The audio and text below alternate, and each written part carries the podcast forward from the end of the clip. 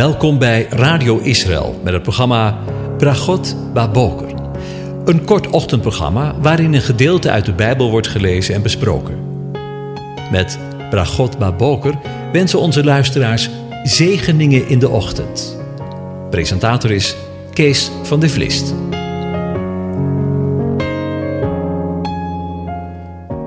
Goedemorgen, Bokatov, beste luisteraars. Vanmorgen denken we weer verder na over Psalm 132 en ik lees de eerste zeven versen aan je voor. Een pelgrimslied. Heere, denk aan David, aan al zijn lijden, hoe hij, de Heere gezworen heeft, de machtige Jacobs deze gelofte deed. Nee, ik ga mijn tent niet en mijn huis niet binnen. Ik leg mij op de rustbank, mijn bed niet neer. Ik gun mijn ogen geen slaap, mijn oogleden geen sluimer, totdat ik voor de Heere een plaats gevonden heb, een woning voor de machtige van Jacob. Zie, we hebben van de ark gehoord in Efrata, hem gevonden in de velden van Jaar. Laten we zijn woning binnengaan, ons neerbuigen voor de voetbank van zijn voeten. Tot zover. Over de plaats waar God wil wonen gesproken. We denken na over de woorden hoe hij de Heere gezworen heeft en de machtige van Jacob deze gelofte deed. Op welk moment in zijn leven David zijn eed heeft gezworen, staat niet in de schrift. Mogelijk heeft hij dat gedaan in de periode dat hij koning is geworden. Hij heeft veel later een prachtig paleis voor zichzelf gebouwd, terwijl de ark van de Heer in een eenvoudige tent stond. David is in zijn inzet om de woonplaats voor God te zoeken een beeld van de Heer Jezus, die van zichzelf zegt dat de ijver voor Gods huis hem heeft Wanneer Jezus de tempel reinigt, lezen we in Johannes 2, en hij zei tegen hen die de duiven verkochten, neem deze dingen van hier weg. Maak niet het huis van mijn vader tot een huis van koophandel. En zijn discipelen herinnerden zich wat er geschreven is. Want de ijver voor uw huis heeft mij verteerd. En we vinden dat in Psalm 69, vers 10. Wanneer we de woorden van David in het vervolg van Psalm 132 lezen, komen we onder de indruk van de enorme drijfveer van Davids verlangen om voor de Heer een huis te bouwen, wanneer hij zegt: Nee, ik ga mijn tent, mijn huis niet binnen. Ik leg mij op de rustbank van mijn bed niet neer. Ik gun mijn ogen geen slaap, mijn oogleden geen sluimer. Totdat. Wat een onvoorstelbare passie en gedrevenheid. David gunt zichzelf de luxe van rust en comfort niet, totdat de ark van de Heere zijn plaats van rust heeft gekregen. Hij zal niet rusten voor hij dit verlangen heeft verwezenlijkt. Dit komt overeen met het verlangen van God zelf om een plaats te hebben waar Hij Zijn naam vestigt, waarvan Hij wil dat Zijn volk daarna verlangt en zoekt.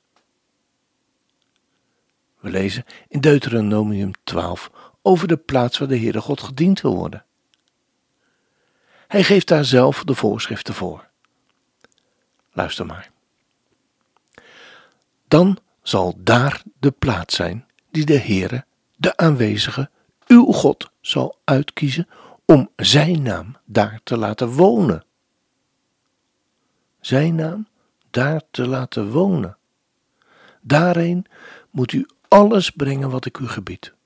Uw brandoffers, uw slachtoffers, uw tiende, de hefoffers uit uw hand en heel de keur van uw gelofteoffers die u de Heere belooft, maar alleen op de plaats die de Heere in een van uw stemmen zal, stammen zal uitkiezen. Daar moet u uw brandoffers brengen en daar moet u doen alles wat ik u gebied. Alleen voor het aangezicht van de Heere uw God op de plaats die de Heere uw God zal uitkiezen, mag u dat eten. U, uw zoon en uw dochter, uw slaaf en uw slavin, en de leviet die binnen uw poorten is. En u zult u voor het aangezicht van de Heere, uw God, verblijden over alles wat u ter hand genomen hebt. Wanneer de plaats die de Heere, uw God, zal uitkiezen, om zijn naam daar te vestigen, ver van u vandaan is, dan mag u van uw runderen en van uw kleinvee die de Heere u gegeven heeft slachten, zoals ik u geboden heb. En u mag ervan eten binnen de poorten, naar het volle verlangen van uw ziel. Maar de heilige gave die u hebt, uw gelofteoffers, moet u opnemen en ermee naar de plaats komen die de Heere zal uitkiezen. Ziet u hoe de Heere God de nadruk legt op de plaats die Hij ervoor gekozen heeft? Zoals de Heere God het volk in Deuteronomium de plaats wijst waar ze Hem moeten dienen, zo wijst God David die plaats aan in 2 Samuel 24, vers 18 tot 25. En ik lees dat gedeelte aan u voor. Op die dag kwam Gad bij David en zei tegen hem: Ga de heuvel op en richt op de dorsvloer van Arauna, de Jebusiet, een altaar op voor de Heere. En David ging naar boven, overeenkomstig het woord van Gad, zoals de Heere geboden had. Arauna keek omlaag en zag de koning en zijn dienaren naar zich toe komen. Daarop kwam Arauna de dorsvloer af en boog zich voor de koning neer met zijn gezicht ter aarde. En Arauna zei: Waarom komt mijn heer de koning naar zijn dienaar toe? En David zei: Om deze dorsvloer van u te kopen, om voor de Heer een altaar te bouwen, zodat de plaag over het volk tot stilstand gebracht wordt. Toen zei Arauna tegen David: Laat mijn heer de koning nemen en offeren wat goed is in zijn ogen. Zie daar, de runderen voor het brandoffer en de dorstleden en de werktuigen voor de runderen voor het brandhout.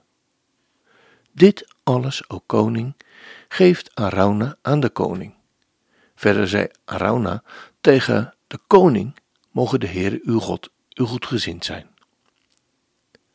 Maar de koning zei tegen Arauna: Nee, ik wil het beslist voor de volle prijs van u kopen, want ik wil de Heere, de aanwezige, mijn God, geen brandoffers brengen die niets kosten. Zo kocht David de dorsvloer en de runderen voor vijftig sikkel. Vervolgens bouwde David daar voor de Heere, de aanwezige, een altaar en bracht brandoffers en dankoffers. Zo liet de aanwezige zich verbidden ten gunste van het land. En de plaag over Israël werd tot stilstand gebracht. Tot zover. Bijzondere geschiedenissen.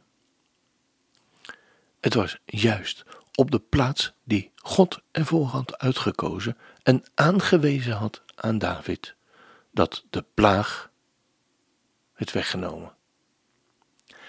De uitdrukking plaats heeft in het Hebreeuws eveneens de betekenis van woning. Dat wil zeggen dat het een plaats is om er te wonen. In 2 Kronieken 3 vers 1 en 2 lezen we dat de dorsvloer op de berg Moria lag en dat de plek door David was bereid voor de tempel die door Salomo werd gebouwd. De plaats was en is een veel groter stuk grond dan nodig was voor Davids altaar. En misschien ook de woning van Arauna. Van de plek zegt David in 1 Kronieken 22 vers 1 Dit hier is het huis van de aanwezige God. En ook dit is het brandoffer voor Israël. De plaats waarover we het hebben maakt in de dagen waarin wij leven deel uit van wat tegenwoordig het tempelgebied wordt genoemd. We laten het hier even deze keer bij. De volgende keer hopen we stil te staan bij al datgene wat wij deze keer overdacht hebben, betekent voor ons persoonlijk leven, zodat we het ook toe kunnen passen in ons eigen leven.